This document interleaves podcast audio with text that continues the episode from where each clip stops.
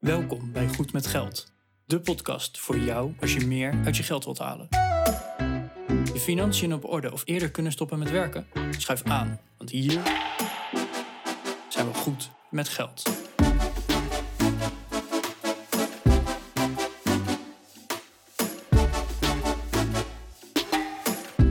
Aflevering 168 van de Goed met Geld podcast.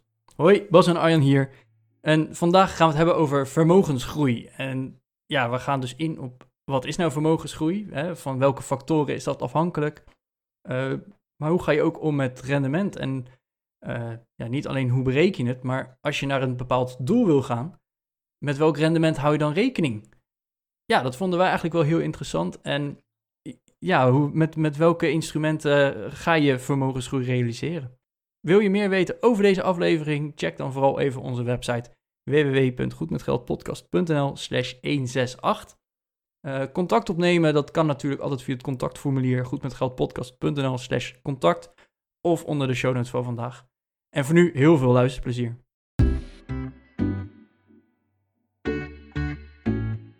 Hey Bas, goedemorgen. Goedemorgen. Goedemorgen. Hey, ik, uh, ik luisterde laatst naar een, uh, een andere podcast en daar ging het over het, het uh, groeien van je vermogen. En daar werd heel erg hard ook geroepen over Bitcoin en uh, hoe snel uh, je vermogen wel niet kan groeien met Bitcoin. Dus ik denk, ja, daar moeten wij natuurlijk het ook een keer over hebben. Mm. Want hè, wij zijn allebei bezig met ja, toch een beetje fire nastreven. En daar, ja, daar, daar doen we heel veel voor. Daar laten we misschien ook wel wat dingen voor, maar we, hè, we zijn druk bezig met investeren. Uh, het kijken naar opties, waar kunnen we eventueel nog besparen of op optimaliseren. Hè? Dat, dat hoort daar ook gewoon bij. Mm-hmm. Met uiteindelijk het doel om toch ergens vermogen op te bouwen. Hè? Want als je eerder met pensioen wil, dan heb je toch wel iets van vermogen nodig. Um, dus ik denk dat uh, dat leek me wel een goed onderwerp voor vandaag. Ja, ja dat lijkt me ook wel goed. En uh, vermogensgroei, vermogensopbouw is natuurlijk best wel een, een interessant onderwerp. Rijk worden, misschien niet per se de goede term ervoor. Maar wel zorgen ervoor dat je, ja, dat je wat opbouwt. En uh, dat kan voor later zijn, het kan voor je pensioen zijn, het kan zijn voor een, uh, een hele toffe wereldreis die je wil gaan maken. Uh, dus, dus het doel van je vermogensgroei, ja, dat, is, dat is heel persoonlijk en dat kunnen legio zaken zijn. Maar laten we eens inderdaad gaan kijken naar hoe wij ja, met onze vermogensgroei omgaan. Ja, en, en inderdaad waar we rekening mee houden, al dat soort dingen. Ja, best luisteraar, toch nog even die disclaimer. Hè? Wij zijn geen financieel persoon. Of tenminste, we hebben een financiële podcast, maar we hebben er niet voor gestudeerd. We hebben geen certificaten of uh, diploma's hiervoor.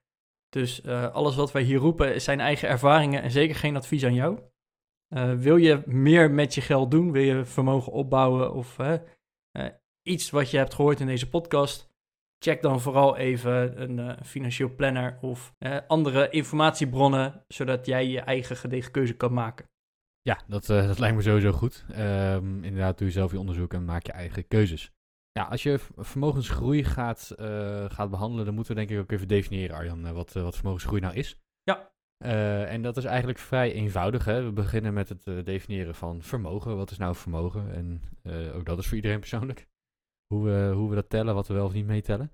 Maar je vermogen is in feite gewoon je, ja, de, de totale waarde, in euro's denk ik, de meeste mensen hier in Nederland, van je, van je bezittingen.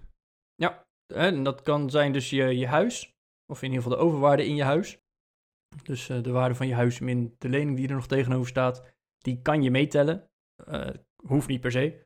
Uh, maar ook, hè, wat staat er op je spaarrekening? Wat zit er in je beleggingen? eventuele andere investeringen of, of waardevolle objecten. Hè? Voor hetzelfde geld heb je een aantal oldtimers voor, voor je oude dag. Nou, dat kan ook. Dus ik denk dat je al dat soort dingen mee kan tellen. Ja, en ik zit een beetje over mijn bureau heen te kijken. Ik zie een, uh, ik zie een uh, muismat liggen. Die tel ik natuurlijk niet mee, hè? Niet? Um, nah. Wat ik, wat ik zelf doe, is dat ik alles meetel waarvan ik verwacht dat ik ze ooit een keer ga uh, verkopen. en waarvan ik verwacht dat als ik het verkoop, dat het nog een restwaarde heeft. Ja. Dat is wat ik meetel in mijn vermogen. En mijn aandelen horen erbij, hè? Dat ik verwacht dat ik ze ooit ga verkopen om van te kunnen leven. En dan verkoop ik niet de hele portefeuille in één keer, maar elke maand een klein beetje. Um, ik, uh, de, nou ja, mijn auto die staat op de balans van mijn BV, dus dat is, uh, dat is weer een ander verhaal. Maar, maar toen ik nog privé een auto had, telde ik die ook mee in mijn vermogen. Alleen die liet ik wel elke maand minder waard worden in, in de Excel-sheet, zeg maar. Zodat die een, een, een echte restwaarde heeft. En op die manier keek ik eigenlijk gewoon naar wat zijn mijn bezittingen waard. Dat is in feite wat je doet. Nou, dat deed ik met mijn, eh, met mijn auto wel, maar met mijn eh, telefoon bijvoorbeeld niet. Met mijn kleding ook niet. Dus, dus daar keek ik wel echt een beetje naar wat, wat zijn nou de grote zaken. En dat is inderdaad eh, je spaarrekening, je beleggingsrekening, eh, crypto als je die hebt, eh, je huis. Nou, in mijn geval mijn auto, mijn pensioenpot. En daar trok ik dan alle schulden van af. Nou, dat was eigenlijk alleen maar de hypotheek natuurlijk. En dan, ja, dan was dat een beetje de... ja, als je dat allemaal bij elkaar bij elkaar optelt, dan heb je je vermogen. Het is denk ik ook even goed van waarom wil je dit berekenen? Op een gegeven moment was er ook een programma, Hoeveel ben je waard? En eh, afgezien van mijn mening over dat programma, daar gingen ze dus echt kijken van oké, hoeveel ben jij waard als persoon zijnde? Hè? Wat, wat zijn jouw bezittingen? En daar werd dus echt het nachtkastje opengetrokken en een half tubetje van dit en een half flesje van dat werd ook gewoon meegeteld. Eh, dat ik denk van ja, als je echt naar vermogen kijkt op de manier waarop wij er naar kijken, dus inderdaad van hé, hey, eh, hoeveel heb ik en hè, als ik rendement wil gaan maken, waar we het straks meteen ook over gaan hebben, dan telt een half flesje of een half tubetje ergens natuurlijk niet van mee, want dat is gewoon, dat gebruik je. Dus hè, ik zou inderdaad mijn computer of mijn telefoon ook niet meerekenen, want dat zijn gebruiksvoorwerpen, daar heb ik verder niks aan op het moment als ik met mijn vermogen bezig ben. Nou ja, precies, inderdaad. Nou, en dan hebben we het volgens, eh, waar we het vandaag over gaan hebben, is vermogensgroei. Hoe, hoe definieer je dat dan? Nou, dat is, ehm, eh, op enig moment heb je een bepaald vermogen en op een later moment heb je een ander vermogen en het verschil ertussen is je vermogensgroei. Zo simpel is het. Ehm, meer dan dat kan ik er ook niet van maken. Die vermogensgroei die kan dus bestaan uit, eh, uit rendement en uit inleg. Ja. En dat rendement kan negatief zijn en je inleg kan in theorie ook negatief zijn. Hè? Want je kunt natuurlijk aandelen verkopen om daar boodschappen van te gaan doen. Maar dat is in feite wat ik zie als vermogensgroei. Ja, hè, dingen kunnen meer waard worden. Dus dan, eh, dan doe je er eigenlijk verder niet zo heel veel voor, behalve gewoon wachten tot het meer waard is. Of het, het ouderwets sparen, hè, want daar komt het op neer. Ja, nou, en, en eh, allebei, hè. In, in mijn geval is het en-en. Ja. Eh, en ik stop er elke maand geld in, want ik wil mijn vermogen laten groeien. Dus ik gooi, ik gooi elke maand olie op het vuur, zo, zo bekijk ik het. En dat vuurtje dat moet zichzelf ook in stand houden en, en een beetje groeien. Ik hoop dat mijn aandelen op lange termijn ook meer waard worden. En mijn huis en, nou, noem maar op. Nou, en dat zei ik in de inleiding al een beetje, Bas. ehm, waarom wil ik het hier nou over hebben? Ik krijg wel eens kriebels van, van andere mensen die dan zeggen... Ja, ik, eh, ik heb nu 100% winst. Hè? Dat- mijn vermogen is nu twee keer zo groot geworden. Mhm. En eh, dat zijn dan vooral door van die investeringen in bitcoin en, en al dat soort dingen. Ik denk van ja, ja inderdaad. Eh, technisch gezien, als je gisteren een tientje inlegt en de bitcoin gaat keer 2, dan heb je nu 20 euro. Technisch gezien klopt het, maar ik ben het er zeker niet mee eens om het op die manier te berekenen. Hm. Waarom niet dan? Nou, ehm, en, en ja, nu zullen heel veel mensen denken van ja, maar het is toch zo? Ja, inderdaad, het Ja, is zo. Ik ben, ik ben hier namelijk ook wel kritisch op nu hoor. Ik, eh. Ja, nee, dat, en dat snap ik. Maar je hebt eigenlijk pas die verdubbeling echt gerealiseerd op het moment dat je het verkoopt. Mm, Want eigenlijk, het enige verschil wat er is, is de waarde van de bitcoin. Stel, de bitcoin kost een tientje. Even gewoon puur hypothetisch. Een tientje. En je koopt voor een tientje één bitcoin. Als morgen de bitcoin dan twee tientjes waard is, heb je nog steeds één bitcoin. mhm. En ja, inderdaad, je vermogen is dan twee keer zoveel waard ge- geworden, maar je hebt nog steeds maar die ene bitcoin. En wat ik dan heel lastig vind in ieder geval, hè, dan, het- ik, ik, ik zeg niet dat ik de waarheid in pacht heb en wat ik hier verkondig dat dat de waarheid is. Maar ik vind het heel moeilijk, want dan zeggen mensen, ja, ik ben nu twee keer zo rijk. Maar eh, voor hetzelfde geld, overmorgen is de bitcoin niet nog twee tientjes, maar 15 euro. Ja, oké. En dat gaat dan zodanig op en neer. Dan kan je inderdaad wel zeggen van ja, eh, mijn vermogen is nu twee keer zoveel waard.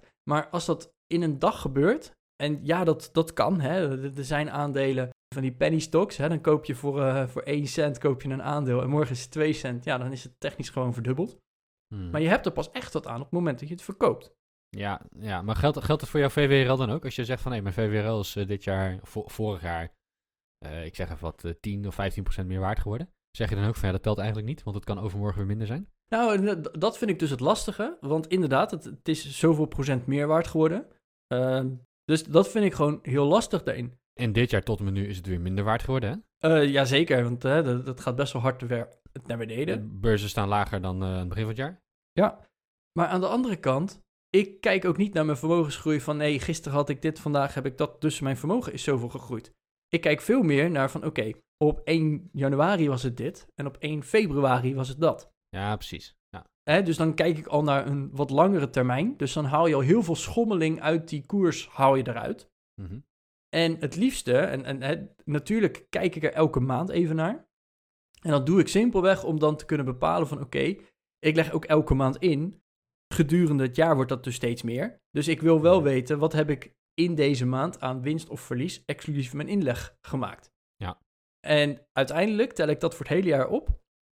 Van hé, hey, eh, dit was het, dit, of zoveel procent was het in maand X, zoveel procent was het in maand 2, zoveel procent in maand 3. En daarmee kan ik dus uiteindelijk bepalen van hé, hey, mijn vermogen is ongeveer, eh, het is nog steeds ongeveer, want veel verder dan een beetje Excellen kom ik niet. Maar mijn vermogen is in dat jaar ongeveer zoveel gegroeid door rendement en zoveel gegroeid door inleg. Maar dat geldt dan natuurlijk eigenlijk ook als stel dat je bitcoin zou hebben en het was verdubbeld, dan geldt dat eigenlijk op diezelfde manier. Tenminste, ik kijk er wel op die manier naar. Of het nou bitcoin of VWRL of eh, mijn woning is. Ja, dat, dat maakt me niet zoveel uit. Ik weet dat de waarde kan fluctueren. Maar ja, als de waarde stijgt, dan is die gestegen. En als die daalt, dan is die gedaald. Ja, maar hè, als we dan even gaan kijken van hoe, hoe vaak bereken jij je vermogensgroei? Kijk je daar elke dag naar? Of, eh, want in de podcast Nee, zijn we daar niet. best wel voorzichtig mee. Eh, ja, ja, nou ja. ehm, ik hou maandelijks bij wat mijn vermogen is. En soms vergeet ik het een keer een maand. Dat moet ik, er- dat moet ik er wel bij zeggen. Ja, dan heb je februari gemist, hè? Eh, dat heb ik jou misschien geappt eh, van de week inderdaad. Dat ik eh, in februari was vergeten om het op te schrijven. Maar eh, nou ja, wat, wat ik doe is, ik, ik, kijk voor mij persoonlijk en voor mij en mijn vriendin gezamenlijk. En dan voor mijn bedrijf. voor die drie categorieën kijk ik naar wat, wat onze vermogens zijn. Dus ik heb, een, ik heb een eigen vermogen en een gezamenlijk vermogen en dan nog een zakelijk vermogen. En dan schrijf ik op wat de bankrekeningen zijn, wat de aandelen, de beleggingen zijn. Ehm, nou, ik heb dan privé een beleggingspand. Gezamenlijk heb ik een huis. Ehm, gezamenlijk en persoonlijk een beleggingsrekening enzovoort. Dus op die manier schrijven we even op wat, eh, wat, wat mijn vermogen is. En dat doen we niet eh, op heel veel detailniveau. Ja, en dat doe ik elke maand. Maar kijk ik dan elke maand naar mijn vermogensgroei? Nou, niet zozeer. Eh, bijvoorbeeld de waarde van het vastgoed bepaal ik één keer per jaar. En waarom één keer per jaar? Het is eigenlijk niet te doen. Je, je weet niet zo goed wat vastgoed waard is. Met aandelen en met Nee. bitcoin en eh weet je, dat is het heel makkelijk, want je hebt een koers op dat moment. Ja, er staat gewoon een cijfertje bij, dus dat, dat kan je berekenen. Ja. Ja, er is een hele liquide markt hè, die op elk moment van de dag, eh, van de handelsdag in elk geval, eh, aan jou vertelt wat, eh, wat de waarde is. Ja. Daarmee kan je dat op, op een heel hoog detailniveau bijhouden. Ja, met vastgoed is dat gewoon wat moeilijker. Je weet, ja, overal zijn in een bepaalde stad de huizen afgelopen jaar met zoveel procent meer of minder waard geworden.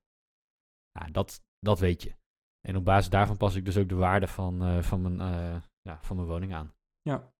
Maar dat doe ik één keer per jaar. En, en de rest van het jaar blijft die, blijft die woningwaarde gewoon in het Excelletje op, dezelfde, op hetzelfde getal staan.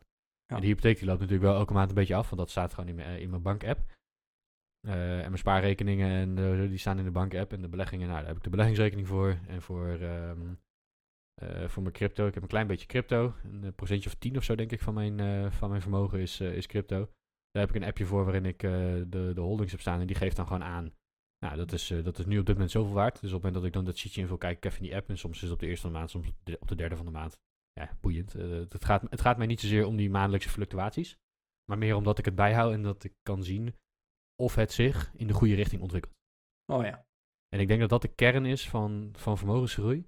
Is dat je eh, ervoor moet zorgen dat je vermogen zich in de goede richting ontwikkelt. En dat je niet zozeer bezig moet zijn met ik wil morgen mijn geld verdubbeld hebben. Maar dat, dat, dat is hoe ik er naar kijk. Hè? De lange termijn dus eigenlijk. Ja, en, en dat je dus de dingen doet die ervoor zorgen dat je op de lange termijn vermogensgroei hebt. En, en het bijhouden van dat getalletje is alleen maar om te meten of je de goeie, op de goede weg zit. Ja. Vergelijk, het met, vergelijk het met je gaat een of andere vette roadtrip naar Zuid-Italië doen of zo. Ja, moet je dan nu al weten dat je over 1200 kilometer een of ander weggetje naar links of naar rechts gaat? Nee, dat, dat boeit niet. Dat, dat, dat maakt allemaal niks uit. Wat veel belangrijker is, is dat je de goede richting op gaat rijden. En dat je dingen gaat doen om daar te komen in Zuid-Italië. En dat betekent, om te beginnen, dat je naar het zuiden moet gaan rijden vanuit Nederland en niet naar het noorden. Ja, en dat er genoeg benzine of eh, stroom in je auto zit om er Ja, in ieder geval Ja. de komende 100 kilometer vooruit te komen. precies. En als je die dingen doet, dan ben je de goede dingen aan het doen om uiteindelijk bij dat einddoel te komen. En onderweg stuur je een beetje bij en hou je bij van ik ben nu hier, dus dan moet ik naar rechts. Ik ben nu hier, dus dan moet ik naar links. Of ik ben nu hier, dan moet ik nog even een paar kilometer door op sneller. Hè, dat is wat jouw eh, navigatie gaat aangeven. Maar die checkt const- constant waar ben ik in relatie tot waar wil ik zijn.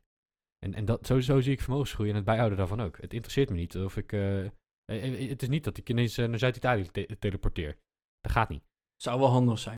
Maar onderweg bijhouden waar je bent en of je nog een beetje de goede kant op gaat, dat is heel belangrijk. Ja, maar Bas, is dan... wij zien andere finfluencers om ons heen ook dingen roepen. En dan dat in onze voorbespreking vinden wij daar wel eens van. van. Moet je dan bij vermogensgroei, want heel veel zijn er dus van... hé, hey, ik heb zoveel winst gemaakt en kijk mij eh, is goed bezig zijn. Is vermogensgroei dan ook niet veel meer eh, op, de, op de hele lange termijn denken? Want inderdaad, hè, eh, je kan in een dag kan je 100% rendement maken. Hè, 100% ge- je vermogen dus eigenlijk verdubbelen. Dat, dat, technisch is dat gewoon mogelijk. Maar ja, op de lange termijn, dat gaat je niet elke dag lukken. Dat kan ik je nu alvast vertellen. Het gaat jou niet lukken om elke dag 100% rendement te maken. Uh, of, of elk jaar of zo, maar, maar inderdaad. Nee, Eh, nee nou, nee, dat klopt. als, als het kon, had ik het graag gedaan. Hè? Even als je met een euro begint op de eerste dag van maart. eh 31 maart ben je miljonair. Als je het elke dag kan verdubbelen. Nou, veel, veel, veel, veel meer dan miljonair. Maar Eh, om Eh, even een, hè, dan begin je ja. met 1 euro. En ja. Ja. dat vind ik dan wel. hè, dan, dan kunnen mensen van kijk eens, hè, ik heb dit jaar wel eh 30 of 40, misschien wel 50% rendement gemaakt. Of, of, hè, bij sommige bitcoins eh, of cryptocurrencies lukt het ze zelfs om dat echt te verdubbelen in een jaar tijd. Mhm. Maar de kans dat dat volgend jaar weer lukt, dat lukt. Ja, dat, ja ik durf er bijna gif op in te nemen dat het ze niet lukt. nou ja, ja, ja, ja, ofwel, maar Ja, en dan, dan feliciteer ik ze er ook mee, hè. Dat, eh, ook eh, even goede vrienden. Maar gewoon, Eh, Ja, maar ik denk dat ook daarvoor uiteindelijk weer geldt dat je zegt van ik wil. eh, een- het, het hangt er vanaf wat je doel is. En, en hoe meer risico je neemt, hoe, hoe meer, of hoe meer rendement je gaat, hoe meer risico je moet nemen, denk ik. En hoe groter de kans dat het ook de andere kant op gaat. En want die uitschieter naar boven, die, die kent een, eh, een, een evenredige uitschieter naar beneden, denk ik, als het misgaat. ja zeker. En de vraag is van, wil je dat risico nemen op de korte termijn? En eh, ik heb er heel duidelijk voor gekozen dat ik zeg van, ja, ik wil een breed, een, een, een, een breed gespreid indexfonds beleggen. Om de kans groter te maken dat ik op de lange termijn vermogensgroei realiseer. Omdat ik met de groei van de wereldeconomie meedoe. Omdat ik bedrijven van over de hele wereld in mijn portefeuille heb zitten. Maar ik kies er ook bewust voor om eh, een deel aan crypto aan te houden. En ik ben niet per se een, eh, een bitcoin eh. Dat ik geloof in de toekomst dat we altijd maar met crypto gaan betalen en zo. Maar ik zie wel dat er hier en daar wat toepassingen van crypto beginnen te ontstaan. Die er mogelijk voor kunnen zorgen dat de waarde van, ehm, van die tokens toeneemt. Ja. Nou, ik heb geen idee welke tokens dat gaan zijn of welke, eh, welke NFT's of wat dan ook. Dus kies ik ervoor om eh, twee of drie grote cryptocurrencies, die, die eigenlijk de olie in, in dat hele systeem zijn, zeg maar, die het betaalmiddel van het systeem zijn, om die te, be- om die te bezitten. Zodat mochten ze inderdaad wel een, een, een zeer significante economische, eh, e- eh, of een significant economisch aspect worden, dan wil ik daaraan meedoen. En dat op het moment dat ze naar nul gaan, dat het risico voor mij vrij beperkt is, omdat het maar een klein percentage van mijn totale vermogen is, wat ik, Ja. wat ik in crypto heb zitten. En, en ik zie dat als het nemen van een, eh, een asynchrone ehm, eh, weddenschap als het ware. Hè, de, de mogelijke upside is veel groter dan de mogelijke downside. Dat, dat is de reden dat ik daaraan meedoe. Maar als je kijkt naar die boys die inderdaad zeggen, ja, ik heb eh, week over week 100% rendement gemaakt. Ja, die zijn waarschijnlijk keihard al ingegaan op een of andere vage coin, waar helemaal geen toekomst achter zit. Ja, en de kans dat zij eh, van, eh, van 10 euro naar 20 euro gaan is heel groot, maar de kans dat ze van 10 euro naar 0 euro gaan is net zo groot. En dat is een Ja, risico en- dat, ik niet, dat ik persoonlijk niet wil lopen. Nee, het risico wat zij waarschijnlijk ook nog eens nemen, is dat ze met geld investeren, wat hè, het, het grootste deel van hun investering, of hun investeringsvermogen, daar ook meteen ingaat. Ehm, terwijl, voor zover ik het bij jou weet, is het vooral ook een stukje play money. En eh, eh, op het moment dat het maar een heel klein deel is van het complete vermogen wat je geïnvesteerd hebt. Nou ja, dus inderdaad een eh, procentje of 10 van mijn, eh, van mijn belegbare vermogen. Dat is nog best fors. Ja, in absolute zin is het best wel veel geld. Het is niet een schijntje van, nou, ik doe voor, voor 50 euro voor de gein even mee of zo. Dat niet. Het is, wel, het is wel serieus geld wat erin zit. Maar het is niet zo dat als ik het kwijtraak, dat ik meteen de lul ben. Nee, dat, en dat is misschien ook wat het belangrijkste. Maar het is wel zo dat als het, als het keer 10 gaat, dan heb ik daar absoluut profijt van. Ja.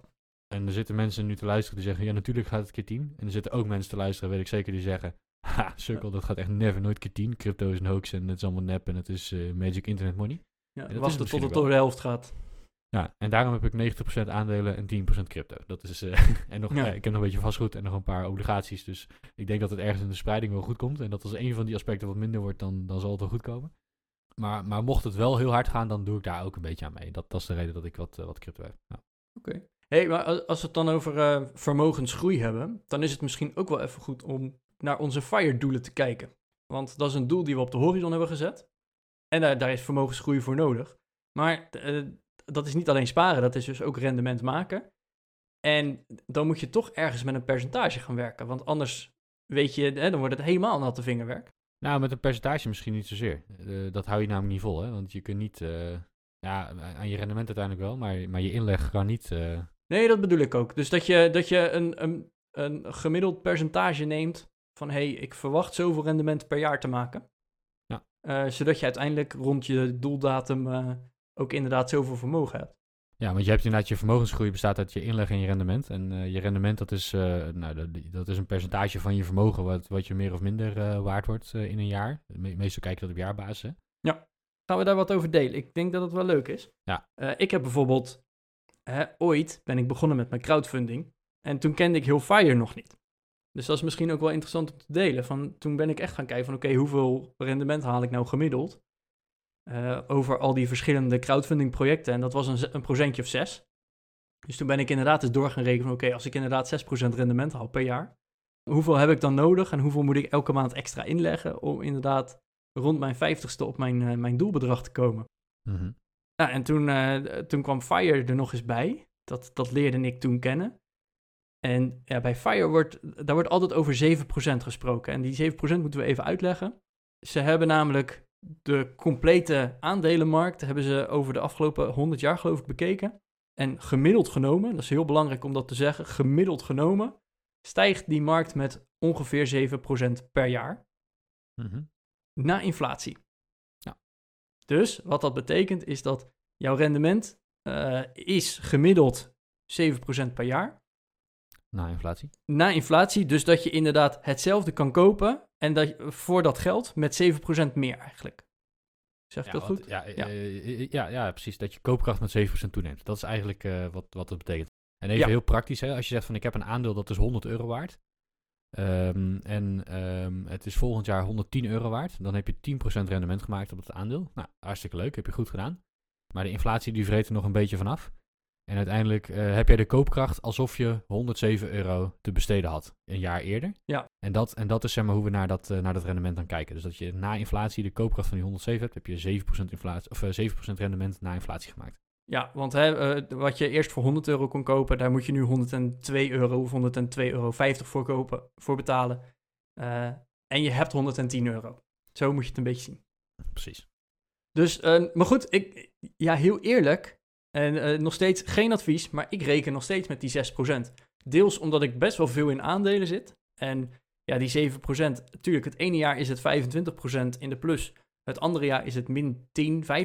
Dat kan ook. Mhm. Eh, zeker nu met de, de onrust in deze wereld, kan het zomaar ook echt een, een negatief getal worden. Maar ik heb ook wat vastgoed en ik heb mijn crowdfunding inderdaad nog. Dus ik, ik zit niet op die 7% scherp. Nee, ik ook niet. En eh, als ik heel eerlijk ben, ik heb dat ook een beetje losgelaten allemaal. Want ik weet als ik maar genoeg olie op het vuur kan gooien, dan, dan wordt het vuurtje vanzelf groter. En dat, dat gaat zoveel harder dan 100 euro per maand ergens instoppen en dan hopen dat je 7 of 7,5% haalt. En inderdaad, wat jij ook zegt, ik, ja, best wel gespreide portefeuille. Want mijn, eh, mijn beleggingspand bijvoorbeeld, ik heb fysiek een beleggingspand. Ja. Dat is, geld, dat is geld waard. En op dit moment wordt dat ook heel veel meer geld waard elke maand. Ja, we hebben vorig jaar, weet ik veel, 20% eh, op vastgoed erbij of zo. Het jaar ervoor ook 15%. Voor dit jaar verwachten ze weer 15, 16, 17%. Ja, wat dat betreft zeg jij dank u wel huizencrisis. Ja, de huizenmarkt is helemaal mesjoggen. Maar ja, goed, als, als woningbezitter profiteer je daar natuurlijk van mee. Hè? Want jouw woning wordt meer waard. En niet alleen onze eigen woning waar we zelf wonen, maar ook het beleggingspand. Dus dan zeggen we, dankjewel, dat is fijn. Dat is heel veel rendement. Maar goed, dat mijn appartement van eh, zoveel euro naar eh 1,2 keer zoveel euro gaat, daar kan ik geen brood van kopen. Dus dat is wel rendement dat ik maak. Dat is wel een vermogensgroei die ik realiseer. Maar ik kan er geen brood van kopen. Nee. Dus, dus heb ik daar wat aan dan. Kijk, als mijn VWRL van 100 naar 120 gaat, dan, dan kan ik daar brood van kopen. Want ik kan elke keer een klein beetje van mijn aandelenportefeuille verkopen om van te leven. Van mijn appartement, daar kan ik niet elke keer een klein stukje van verkopen om van te leven. Waar ik wel van kan leven is van het inkomen dat het appartement genereert. Dus ik heb iemand in, eh, in dat appartement zitten, die betaalt mij huur elke maand. En ik heb kosten die ik, eh, die ik maak. Voor de, de, de financiering, voor de hypotheek, voor de verzekering, voor de belastingen enzovoort. Ja, en, en als er dan wat overblijft, dan heb ik daar dus een cashflow uit mijn, eh, uit mijn woning. Die ik kan gebruiken om wel brood van te kopen. Ja. En uiteindelijk is die natuurlijk van belang. Hè, de, de waarde van het pand, ja, eh, boeien. Het, het- wat, wat mij uitmaakt is, eh, komt er 200 euro of 400 euro cashflow uit. En niet is die 2 ton of 4 ton waard. De cashflow die je kan verhogen, hè, die, die, die huur die je omhoog kan doen, jouw kosten worden ook wat hoger. Ja, dus ja, precies. Hè, dus, Dus, dus dat je- compenseert en uiteindelijk middelt dat weer uit, denk ik ergens. Nou ja, eh, kijk, wat je uiteindelijk ziet is dat je inflatie hebt op de kosten die je maakt. Eh, en dat je belasting wat hoger wordt, eh, dat de beheerkosten hoger worden enzovoorts. Want, want we hebben inflatie. Ja. Nou, en met, met de inflatie stijgt de huur in principe ook mee. Ehm, en dat betekent dus ook dat je cashflow met de huur, met, niet met de huur meestijgt. Ja, uiteindelijk ook met de huur. Maar dat je cashflow met de inflatie meestijgt. Dat is uiteindelijk wat er gebeurt. Het enige wat vaststaat, is in elk geval zolang je rentevastperiode niet is afgelopen, is je, je financieringslast. Dus de rente die je betaalt. Oh ja, Daar, daar ja. zit natuurlijk geen inflatie op. Dus dat is, dat is best. Daar, en daarmee is vastgoed best een aardige hedge tegen inflatie. Want mijn, mijn totale kostenstructuur stijgt minder dan de inflatie. Want een deel stijgt met de inflatie mee en een deel niet. Hè. Die, die financiering die zit vast. Maar de volledige huur stijgt wel mee met inflatie. Nou ja. En daar moet ik eerlijk bij zijn, dat is niet altijd zo. Want eh, de, de huurstijgingen die je mag doorvoeren, die zijn vastgezet. En, en, ook, en, en daarbij komt ook, al was het niet vastgezet, dan zou ik het zelf niet oké vinden. Ik, ik zie mezelf best als een ethische verhuurder. En niet als de boeven die je altijd in het nieuws hoort. Eh, dus, dus ik wil ook niet mijn huurder constant maar op hogere, hogere, hogere kosten jagen. Dat moet ook een beetje reëel zijn. En daarmee heb je best een inflatie hedge te pakken. Alleen, ja, nogmaals, als het appartement, stel het gaat van 2 ton naar 4 ton, ja, ik kan er geen brood extra van kopen. Maar gaat mijn cashflow van 200 euro naar 400 euro, dan heb ik er wat aan. ja. Eh, dus, dus ik kijk, ik keek vroeger inderdaad heel erg naar wat is mijn vermogen toen ik alleen een aandelenportefeuille had. En tegenwoordig kijk ik veel meer naar wat is het inkomen dat ik uit mijn vermogen kan realiseren. En of het rendement op mijn vermogen dan 7 of 8 of 10 of 0 procent is, dat, dat interesseert me eigenlijk niet zo heel veel meer.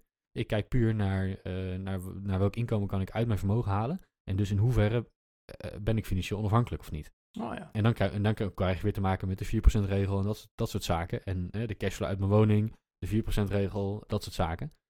Om, om te kijken van ik heb een bepaalde beeld vermogen en hoeveel inkomen levert dat mij op. Ja.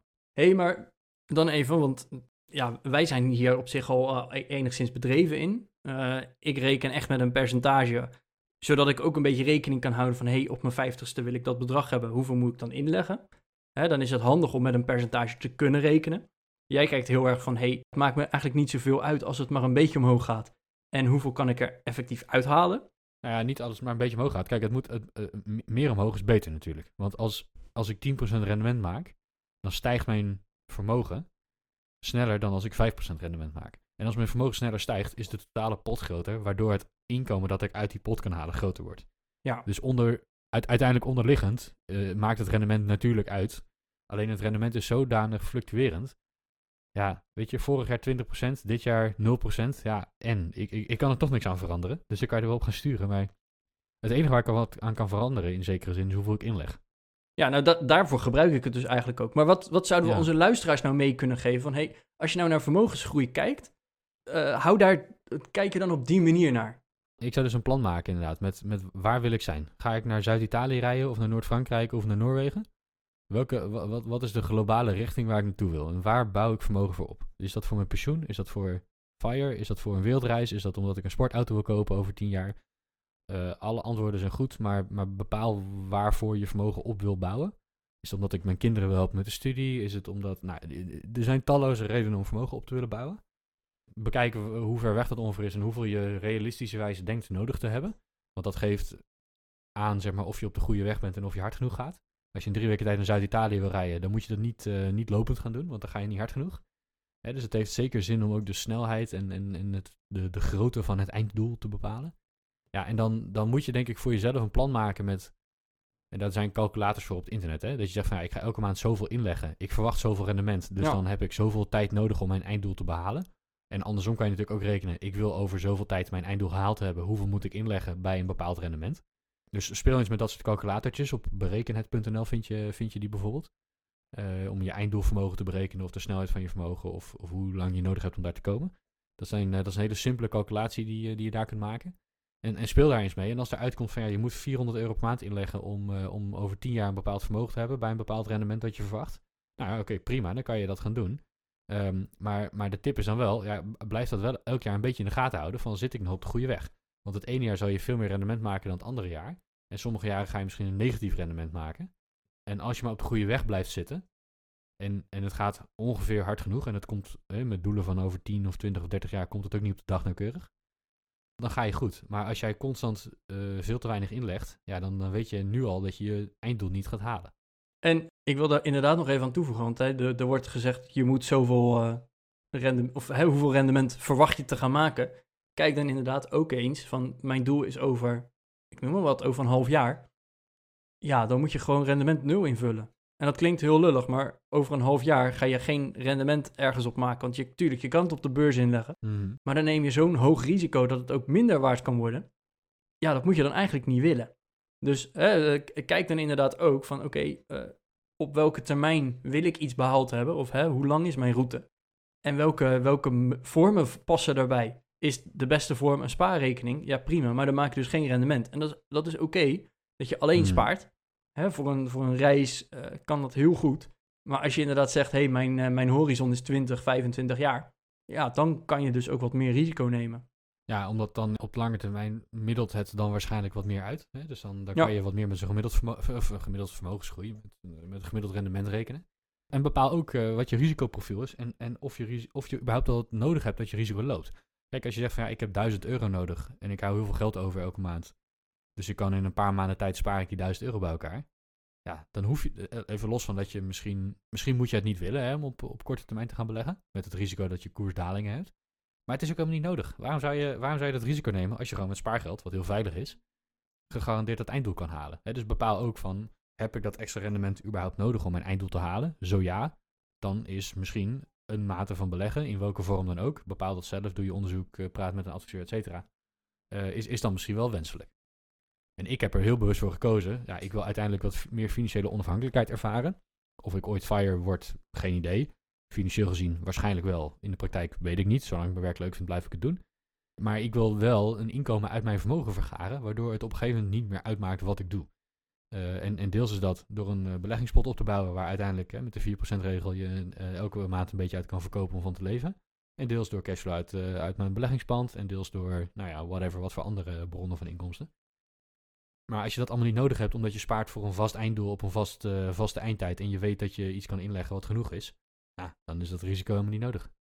Nee, en nogmaals, ehm, ja, gebruik common sense. Eh, eh, wij roepen hier al op een spaarrekening ga je waarschijnlijk geen rendement halen. Ehm, ik reken zelf met een gemiddeld rendement van 6% op mijn investeringen die toch best wel risicovol zijn. Ja, en dan kan je inderdaad in gaan lezen op weet ik het wat voor websites, Finfluencers, eh, YouTube, noem maar op. Maar als die zeggen, eh, ga maar uit van 35%, ja, misschien moet je dan toch ook even extra na gaan denken van, hmm, is dat wel het risico wat ik ermee wil nemen? En daar moet je gewoon ook nuchter over na blijven denken. Als het te mooi klinkt om waar te zijn, zal het waarschijnlijk ook wel niet waar zijn. Dat is eh, een aardige insteek, denk ik. Ik ben wel benieuwd eh, naar onze luisteraars hoe zij vermogen opbouwen en hoe ze kijken naar hun vermogensopbouw op de lange termijn. Dus eh, laat een berichtje achter onder de show notes of doe dat via goedmetgeldpodcast.nl slash contact. Als je een persoonlijk berichtje wil sturen, dan, dan krijgt niet iedereen het te zien. Wij gaan er uiteraard vertrouwelijk mee om met die, met die gegevens. Ja, en tot volgende week zou ik zeggen. Tot volgende week.